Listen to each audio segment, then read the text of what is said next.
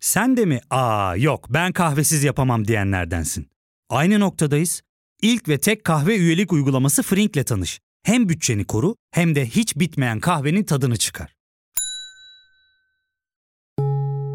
Yakınlarından terapinin onlara ne kadar iyi geldiğini dinlesen de kendin için bir şeylere başlamak zor geliyor olabilir. Ya da sevdiklerine yardım etmeye istekliyken kendi ihtiyaçlarını görebilmek. Hayvel, uzman psikologlarıyla kendi ihtiyaçlarını bulmanda sana destek olacak. Terapi yolculuğuna başlamak için detaylı bilgi bölümün açıklamalarında.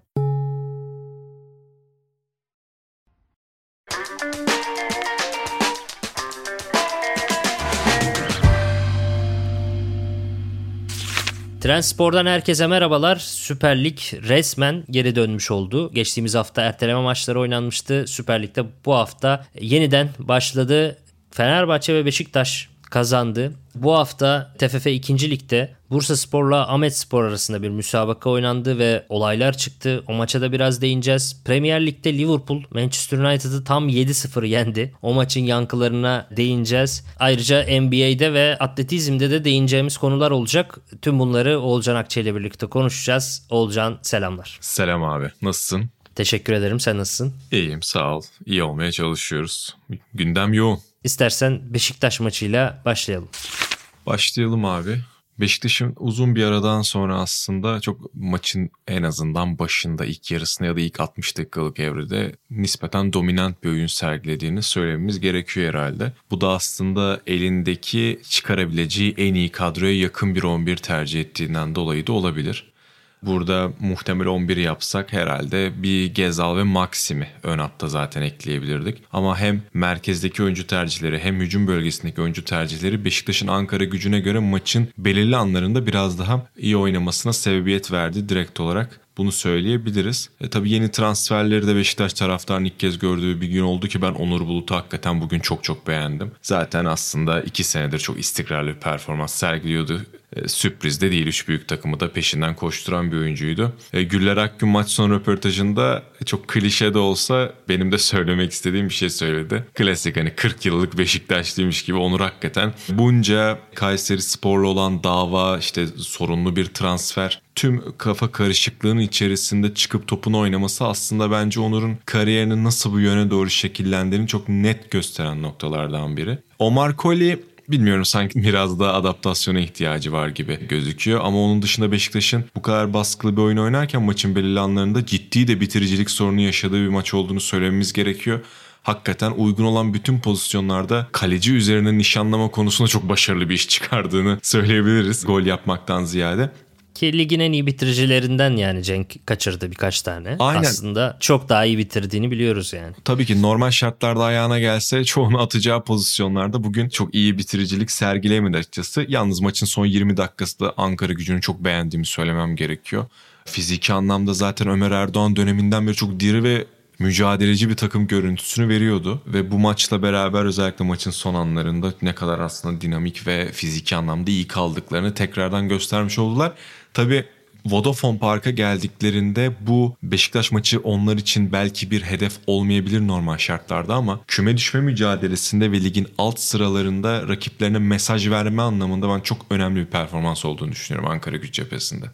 Ben Beşiktaş'ı daha çok beğendim. Yani geçtiğimiz haftaya göre bilhassa Antalya Spor maçına göre. Ve gelecek haftalarda da Beşiktaş'ın çok daha iyi olacağını düşünüyorum. Çünkü Abu Bakar biraz form tutacak. Cenk onunla tekrar oynamaya başlayacak. Maxim katılacak. Onur Bulut'un performansı o sağ bekte eksik olan rekabeti tekrar geri getirecek falan. E, Colin'in performansı da biraz evet yani bazı soru işaretleri barındırıyor ama fizik kalite olarak iyi bir oyuncu olduğunu görebiliyoruz en azından. Tayyip'le ikisi oldukça güçlüydüler ikili mücadelelerde ve Ali Sov aslında rakip savunmaları en çok yıpratan santrforlardan bir tanesi olmasına rağmen onu olduğunca ekarte etmeyi başardılar. İşte bir karambolden yine attı golünü ama orada da çok stoperlerin yapabileceği bir şey yoktu ve çok o son 10-15 dakikaya kadar da bir baskı yememek veya işte çok fazla pozisyon vermemek gibi iyi bir performansları vardı bence. Beşiktaş da biraz fazla gol kaçırdı. baskılı oynadı. Abu Bakar'ın çok klas bir golü var. İlk maçlarında ya bu Abu Bakar niye bu kadar düşmüş diye düşündürmüştü beni. Çünkü Dünya Kupası'nda müthiş işler yaptığını biliyoruz. Ama ilk maçında biraz sıkıntılıydı. Neyse ki o da toparlanma emaresi gösteriyor. Ve aslında bu maç motive olma açısından düşündüğümüzde Ankara gücünün çok daha kolay motive olabileceği bir maç. Çünkü düşme potasında ve kazanmak zorunda. Hedefleri çok daha canlı. Beşiktaş ise liderden uzaklaşmış, 3. sırada kalmış biraz hedefsiz bir takım vesaire diyebilirsin. Ama devre arasında yeni ve kendini göstermek isteyen birçok oyuncu transfer edilince işte Onur Bulut onlardan bir tanesi, Amir Adzizamotovic onlardan bir tanesi, Abu Bakar'ın dönüşü, takım yenilenince işte Koli vesaire de geldi o zaman oyuncuların kendini göstermekle ilgili bir hedefi oluyor ve takıma da bu sirayet ediyor bence. Bugün iştah olarak Beşiktaş'ı beğendim ayrıca ve Beşiktaş'ın gelecek haftalarda daha iyi olacağını düşünüyorum ben. Tabii lidere ne kadar yaklaşır yaklaşamaz onu kestirmek zor. Hani şampiyonluk mücadelesi vermesini de beklemiyorum ama Başakşehir'in de takıldığını görüyoruz. İlk üçü en azından yapıp gelecek sezon Avrupa ile birlikte devam etme konusunda bir avantaj sağladıklarını düşünüyorum ben açıkçası. Ki sıradaki maçta sanırım Başakşehir'le zaten Beşiktaş'ın. O da çok enteresan bir mücadele olacak açıkçası. Evet. Oldukça belirleyici olacak. Fenerbahçe'ye geçelim istersen. Tabii.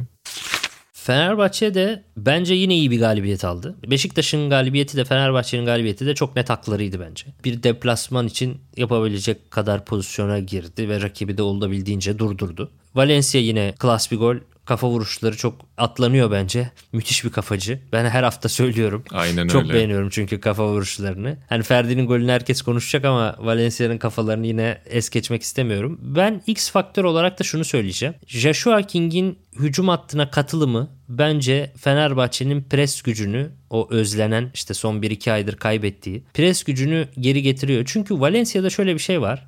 Hani kafa golünden övgüyle bahsettim ama sevmediğim bir özelliği var. Geçen maçta da aynısı oldu. O ilk 15 dakika güzel bir golle başlıyor abi. 45'e kadar olan 30 dakikada vurdum duymaz Valencia görüyoruz bu sefer. Ama hani güzel bir gol attığı için ve işte gol krallığında fark attığı için de adama bir şey de diyemiyorsun çok fazla ama maç içinde bile bir anı bir anını tutmuyor. Presi falan bırakıyor mesela. O presi bıraktığı zaman yanındakinin ekstra pres gücüne dahil olması da çok önemli. Ben mesela ilk yarıda Kayseri Spor golü yemiş olmasına rağmen oyuna giremedi. O çok değerli Fenerbahçe için. 1-0 öne geçtikten sonra birçok takım Kayseri gibi zor deplasmanda geri çekilir. Fenerbahçe çekilmedi. E var bir tane Cardozo'nun pozisyonu falan ama o kadar önemli değil. Yani baskı yemedi yani kendi sahasına çekilmedi. O çekilmemede ben Joshua King'in çok büyük rol olduğunu düşünüyorum. Çünkü King iki tane pas kesti. Bir tane rakibe bastı ayağındaki topu aldı. Rakibin ayağındaki. Üç tane falan öyle top kazanımı var. O top kazanımlar sayesinde Kayseri Spor savunmasını öne çıkaramadı. Ve savunmayı çıkaramadığında da baskı kuramadı zaten. Golden sonra da üstünlüğünü devam ettirmesi Fenerbahçe'nin önemliydi. Orada da King'in bence payı büyüktü.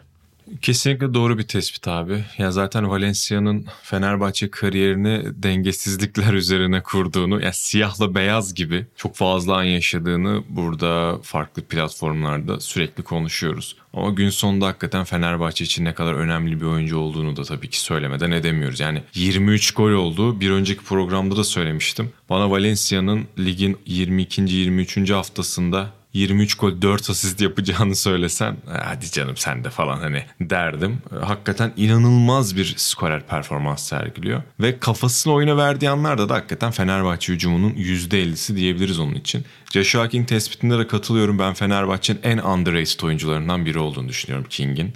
Sezon başı geldiğinde biraz fazla gereksiz gömülmüştü. İyi oyuncu olsa Premier Lig'de devam ederdi zaten gibi klişe yorumlarımızdan birini yapmıştık her zaman olduğu gibi sosyal medyada. Aslında tam tersi iyi oyuncu olduğu için çok uzun süre Premier Lig oyuncusuydu Kesinlikle zaten. aynen yani öyle. kötü bir oyuncu senelerce Premier Lig'de barınamaz. Gider döner. Yani çok fazla var Premier Lig'e gidip barınamayıp dönen ama çok az var Premier Lig'de çok uzun süre tutunabilen oyuncu. King'in iyi oyuncu olduğu zaten direkt oradan anlaşılıyor bence. Ve yani şey de değil yedek kulübesi ısıtan oyunculardan da kariyerinin Premier Lig kariyerinin çoğunda hiçbir zaman olmadı. Bu kadar değerli bir oyuncuyu yani serbest transfer olarak takımınıza katmışken bunun değerini de bilmeniz gerekiyor ki Fenerbahçe'nin oyununa hakikaten çok şey kattığını düşünüyorum ben.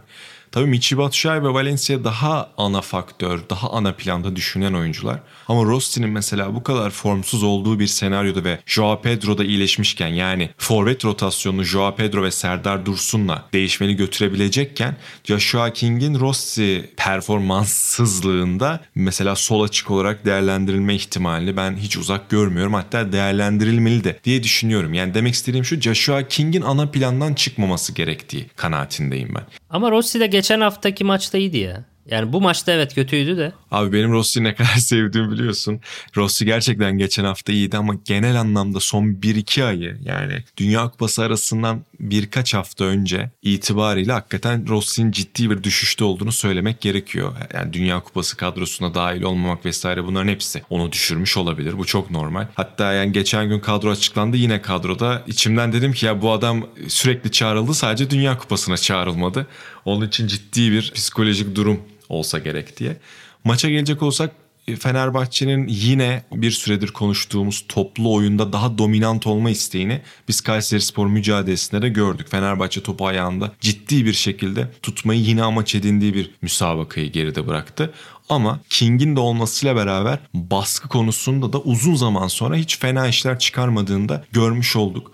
Maç içerisindeki bazı taktiksel dokunuşlar benim hoşuma gitti. Bu arada Fenerbahçe'nin çok çok iyi oynadığını düşünmüyorum. Ama en azından rakibin durumuna göre bazı çareler üretilmesi benim hoşuma gitti. Örneğin maçın başından itibaren Çağdaş Hoca'nın planı neydi tam olarak emin değilim ama Kayseri Spor'un ön hattındaki Tiam'la orta saha arasında çok ciddi bir boşluk vardı. Fakat orta saha ve savunma arasında da bir o kadar yakınlık. Bu yüzden merkezde çok ciddi boşluklar buldu Fenerbahçe. Hatta keşke Zayt'sla başlasaydı Jesus dedim. Çünkü Crespo bunların hiçbirini neredeyse kullanamadı. Çok fazla pas hatası yaptı. Kesinlikle. Ve bu merkez üstünlüğünü Fenerbahçe'nin iyice eline geçirmesini isteyen George Jesus Arda Güler'i sağ kenarda başlattığı maçın ilk 45 dakikasında Arda'yı daha serbest bir rolde 10 numara pozisyonuna sürekli kaydığı, merkeze sürekli pas opsiyonu olarak desteğe gittiği şekilde kullandı.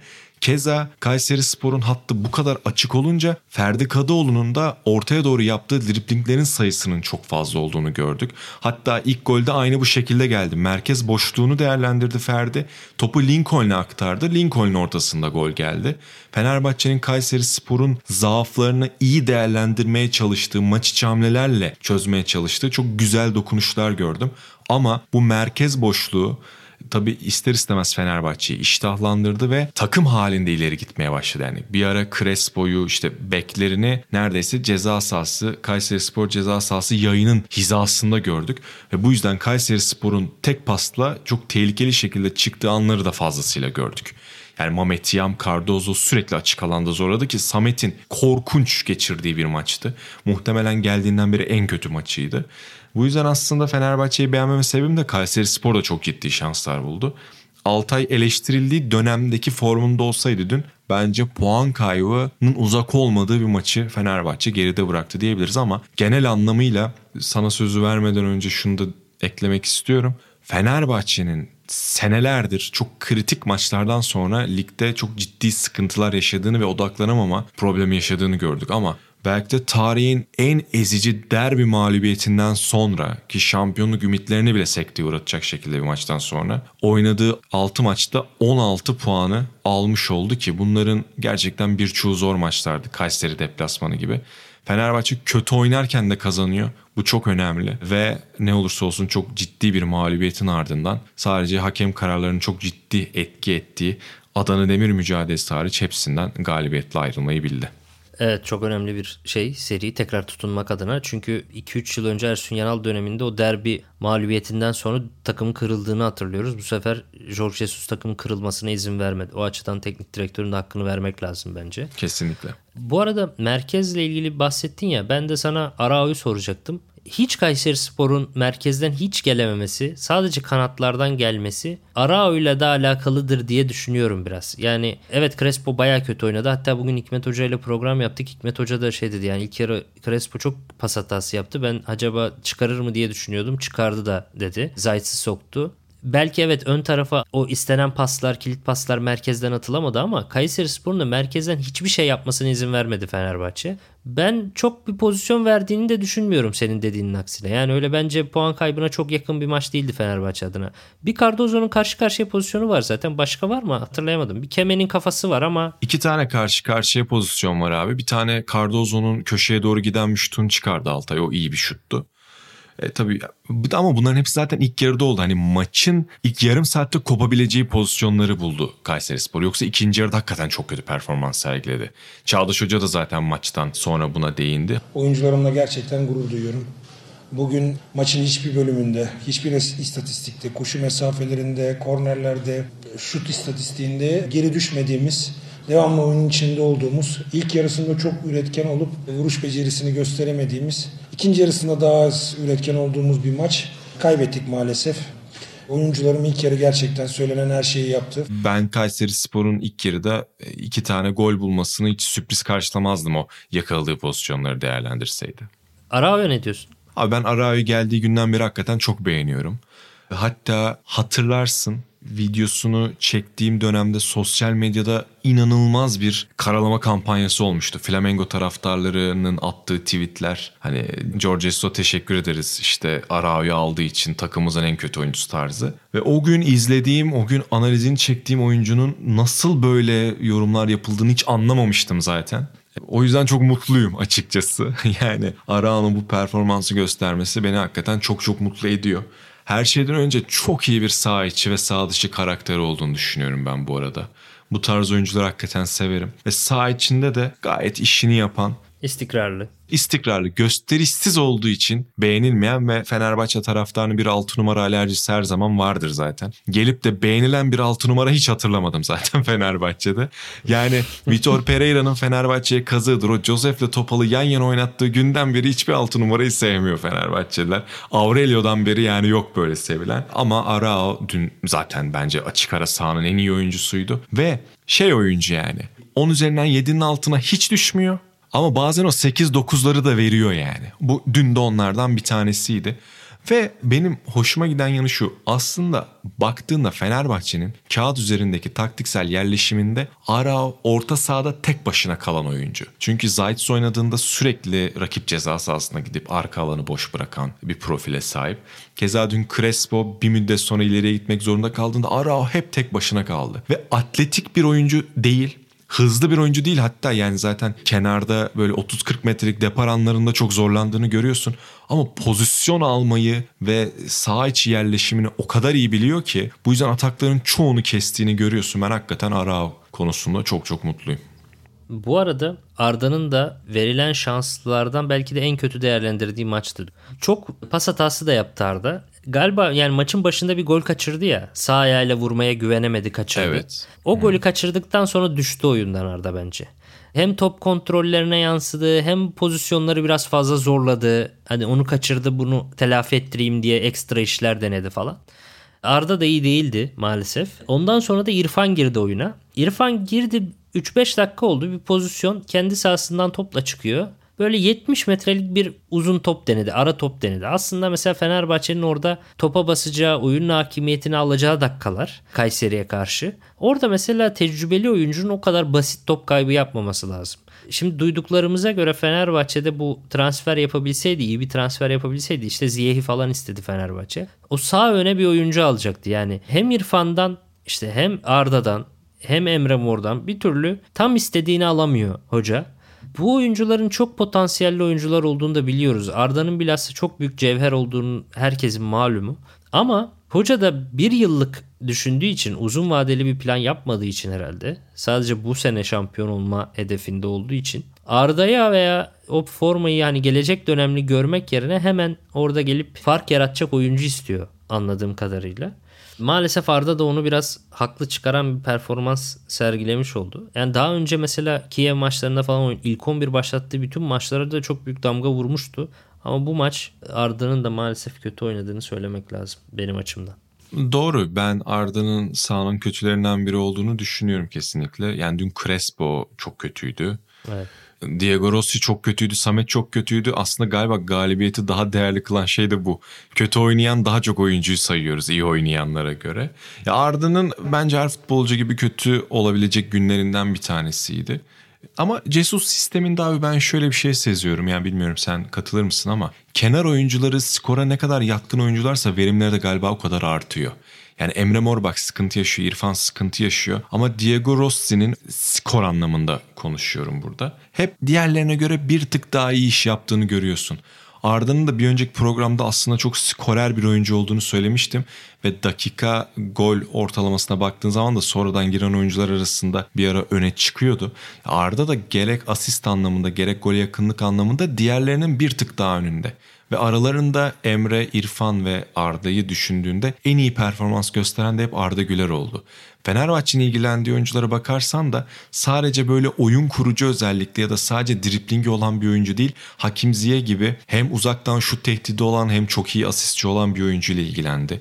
Lucas Moura gibi ya zaten oyunun hücum tarafında her türlü katkıyı verebilecek bir oyuncu ile ilgilendi. Yani aslında Jesus takımının kenar oyuncuları skora ne kadar yatkın oyuncular olabilirse verimleri de bence bir o kadar o doğrultuda artıyor. İrfan hiçbir zaman kariyeri boyunca çok skorer bir oyuncu olamadı. Emre Mor hiçbir zaman çok skorer bir oyuncu olamadı.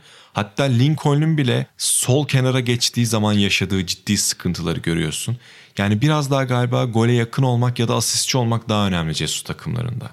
Çünkü o kenardaki oyuncuları içeriye forvete kutuya sokuyor. Arkadan da canavar gibi Ferdi'yi getirtiyor. Hani bu arada az önce dedin ya birçok oyuncu kötü oynamışken takımın kazanmış olması değerli. Çünkü Ferdi gibi bir adam var her zaman seni 12 kişi oynatabiliyor. Bu Galatasaray'da da Saşa Boy'da var. Beşiktaş'ta da Onur Bulut'ta olur inşallah. Yani bu sene sağ beklerden iki takımda çok şey. Ferdi müthiş oynadı. Golünü de attı. Zaten ama hep müthiş oynuyor. Yani yeni bir şey de değil.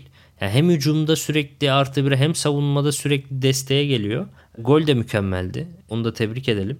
Geçen hafta bu arada sen şey demiştin Samet'le ilgili olarak. Son o yorumumu yapayım ben. Samet'in beklentinin üzerinde oynadığını söylemiştin. Benim çok öyle değil. Ben tam olarak Gustavo başlangıcı yaptığını düşünüyorum. Gustavo da hatırlarsın işte ilk 10-15 hafta takım iyi gidiyorken takımı yakmıyordu. Ve Jorge Jesus'un Gustavo kadar zayıf bir profilden bile çok iyi verim alabildiğini söylüyorduk. Yani takım oyunu oynayabiliyordu en azından. Ben tam olarak Samet'in de benzer bir süreçten geçtiğini düşünüyorum. Bence ilk maçı Gaziantep maçı dahil bu maçta aynı şekilde. Samet aslında hatalar yapıyor. Fakat takım arkadaşları o hataları bir şekilde bertaraf etti bu haftaya kadar. Bu maçta mesela yanlış offside taktiğini Altay kurtararak telafi etti. Orada bir şart düşeyim ben geldiğinden beri pek beğenmedim Samet'i açıkçası.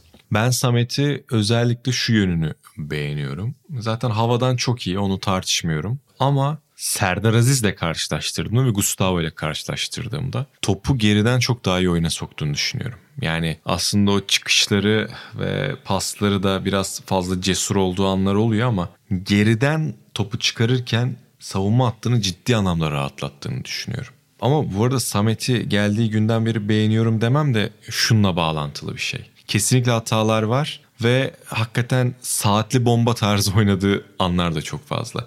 Ama beklentime göre daha iyi performans sergiliyor. Yoksa ben Samet'i çok daha kötü dediğin gibi örnek verdin. Gustavo seviyesinde falan hani olabilir diye düşünürken hani öyle çok da eleştirilecek bir oyun oynamadığı kanaatindeyim açıkçası. Ya fark ettin mi? Biz en çok kahveye para harcıyoruz. Yok abi, bundan sonra günde bir. Aa, sen Frink kullanmıyor musun? Nasıl yani? Yani kahvenden kısmına gerek yok. Frink'e üye olursan aylık sadece 1200 TL'ye istediğin çeşit kahveyi istediğin kadar içebilirsin. Günlük 40 TL'ye sınırsız kahve mi yani? Çok iyiymiş. Aynen. Hatta şu anda 200 TL'lik bir indirim kodu da var. E hadi hemen indirip üye ol da bu fırsatı kaçırma.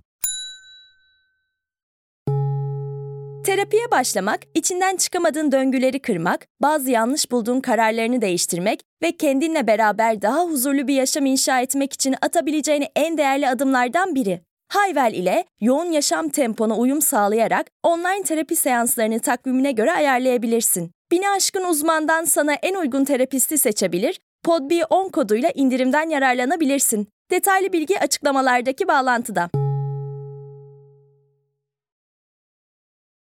Bu arada Galatasaray da İstanbul Spor'la bir hazırlık maçı yaptı. Ona da değineyim ben izledim maçı.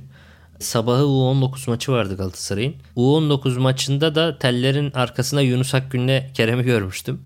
Oradan herhalde çıkıp otobüse binip İstanbul maçına gittiler. Ve Yunus çok güzel asistler yaptı. Güzel bir maç oynadı.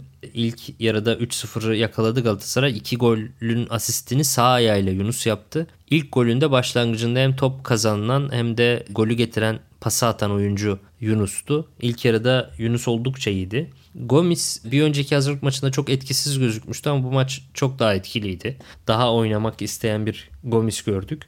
Rashica solda oynadığı zaman çok daha skorer deniyor. Almanya'da da sol kanatta oynadığında çok daha skorer bir kimliği var. Bu iki hazırlık maçında hem Alanya Spor'a hem İstanbul Spor'a karşı sol açıkta oynadı ve iki gol attı. İki maçta da birer gol attı. O da önemli bir nokta. Emin'i beğeniyorum. Oynadığı hazırlık maçlarında etkili gözüküyor. Hazır ve güçlü gözüküyor.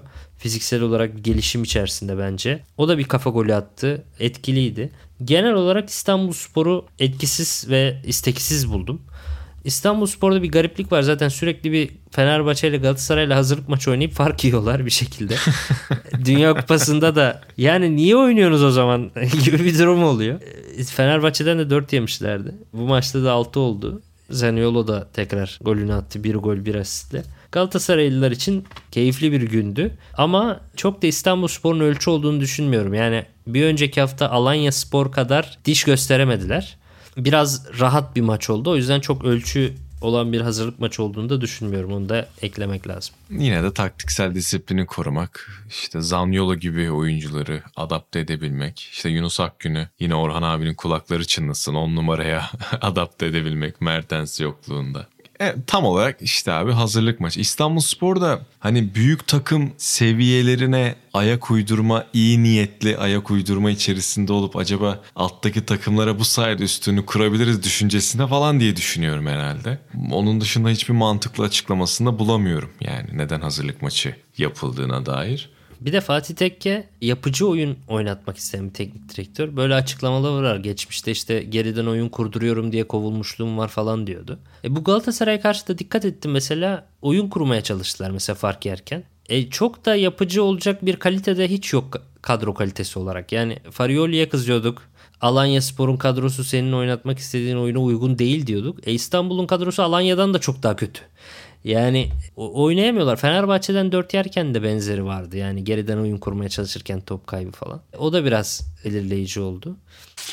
Bursa Spor'la Ahmet Spor arasındaki maçı izleyebildin mi? Bakabildin mi olaylara falan? Ya abi bir 10 dakika falan baktım ama zaten olay kısmını düşündüğünde Twitter'da önüme bol bol düştü.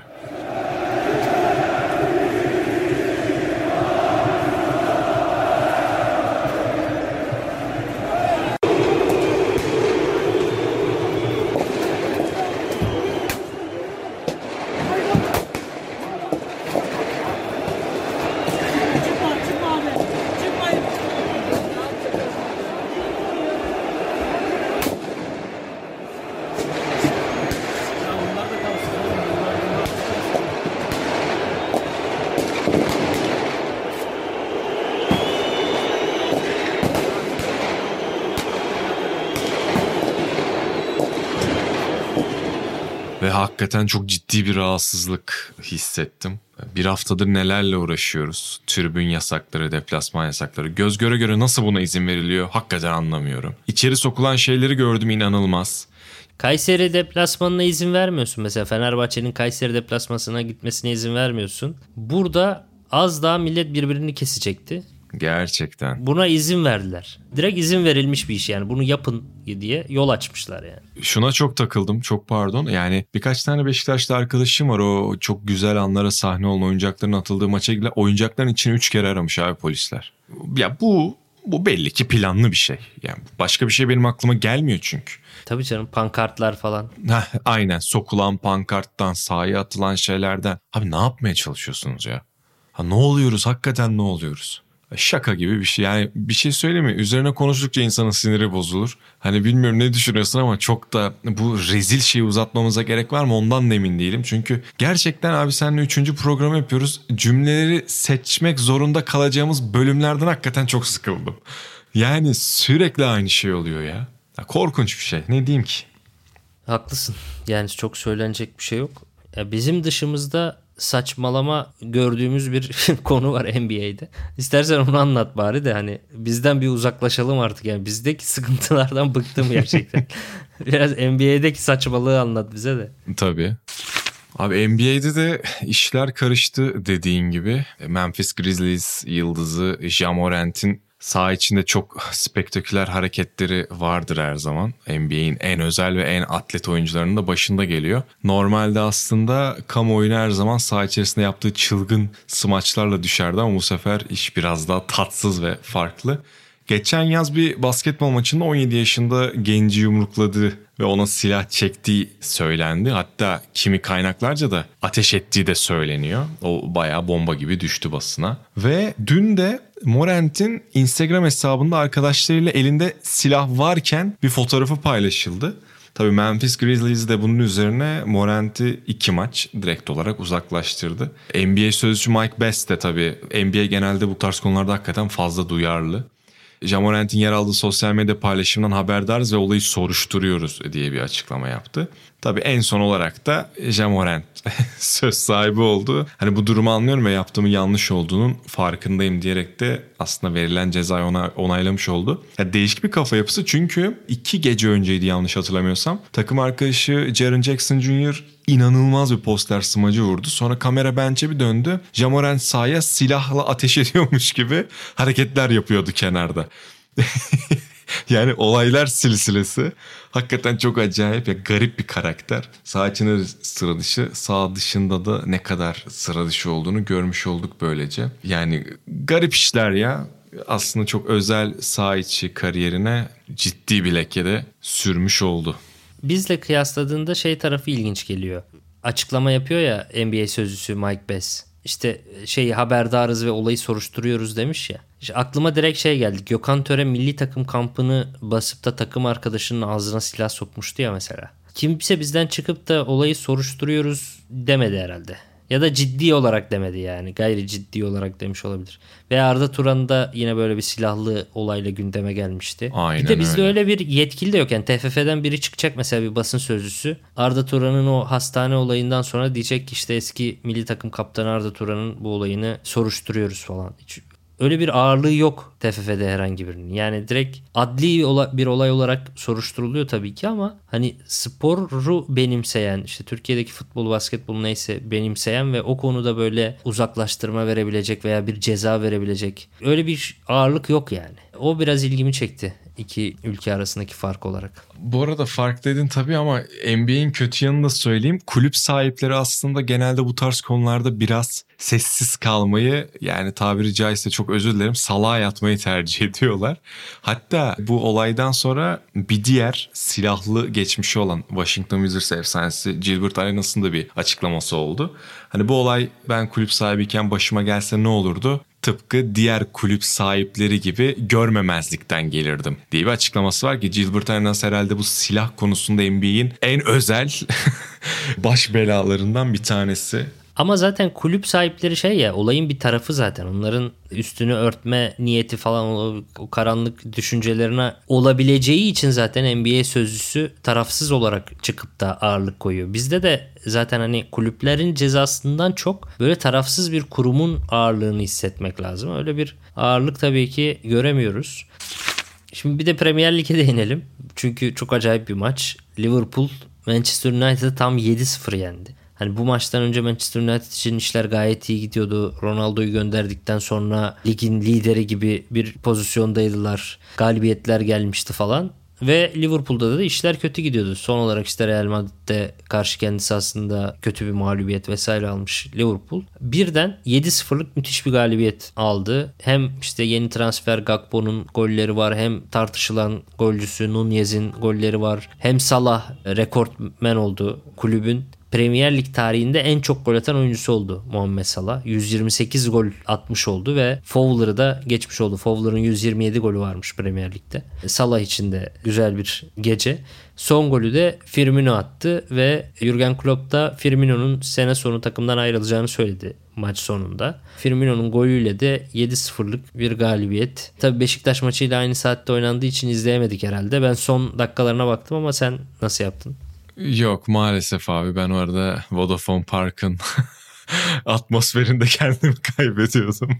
Televizyon başında Beşiktaş maçını izlemek durumundaydım. Daha ağırlıklı konumuz olduğundan dolayı. E, ama bir özete kesinlikle bakacağım. Tabii yani Twitter'da sürekli dolaştığımız için goller, maç içerisinde olanlar tabii önümüze düşüyor. Hafif güncellenebiliyoruz. Ya, sıra dışı bir mağlubiyet Manchester United için. Bu kadar da aslında görkemli bir dönem geçirirken 92 yıl sonra da kulüp tarihin en ağır yenilgilerinden birini yaşamışlar ve yine 7-0'lık mağlubiyetmiş orada da. E, şeyi söyledin Firmino'nun ayrılacağını söylemiş kulüp. Yandık şimdi. Herhalde yazın 3 ay boyunca bir Fenerbahçe bir Galatasaray bir Fenerbahçe bir Galatasaray.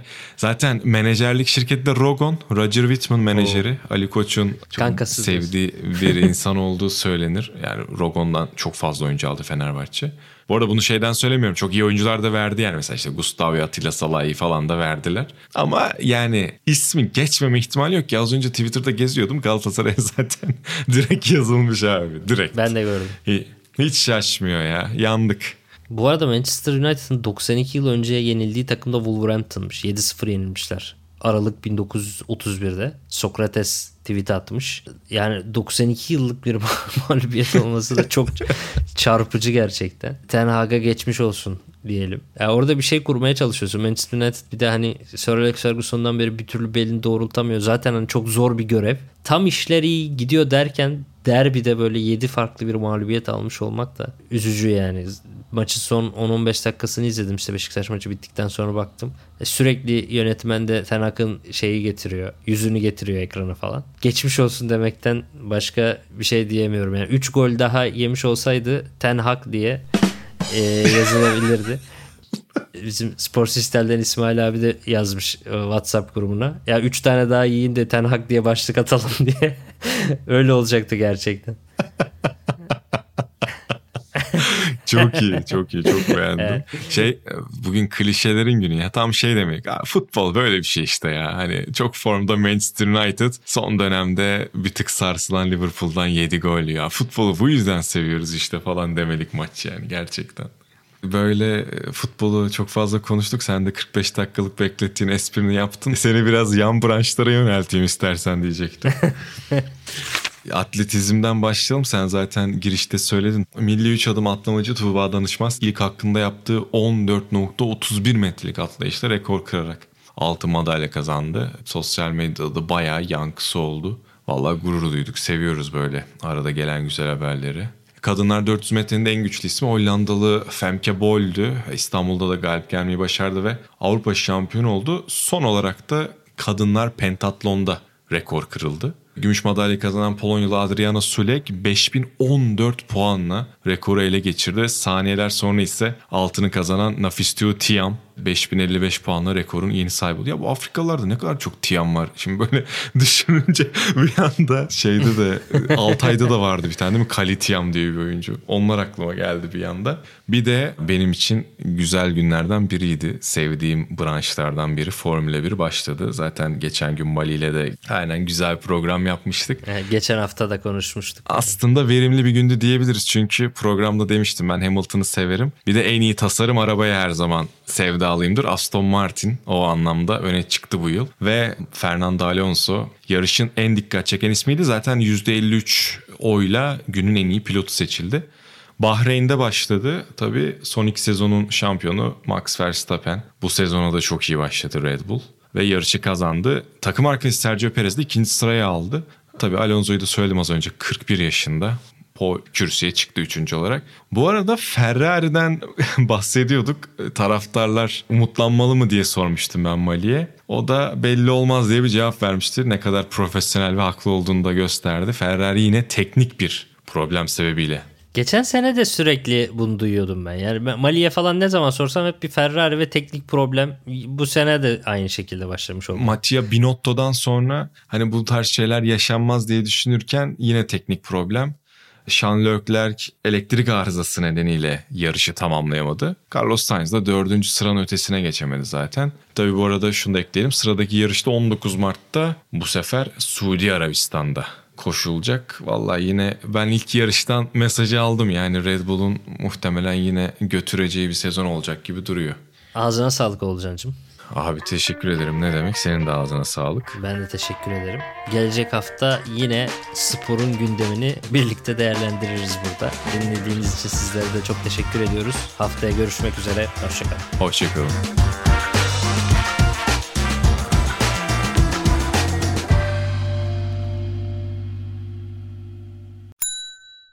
İlk ve tek kahve üyelik uygulaması Frink, 46 ildeki 500'den fazla noktada seni bekliyor.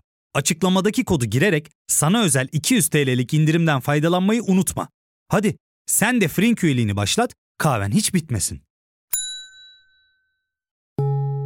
Hem bugününe hem yarınına katacaklarıyla terapi yolculuğuna ve daha iyi hissetmeye bugün Hayvel ile başla. Açıklamadaki linkten Hayvel'i indir, ücretsiz tanışma görüşmelerinin ardından bütçene uygun seans paketini seç ve terapi yolculuğuna başla.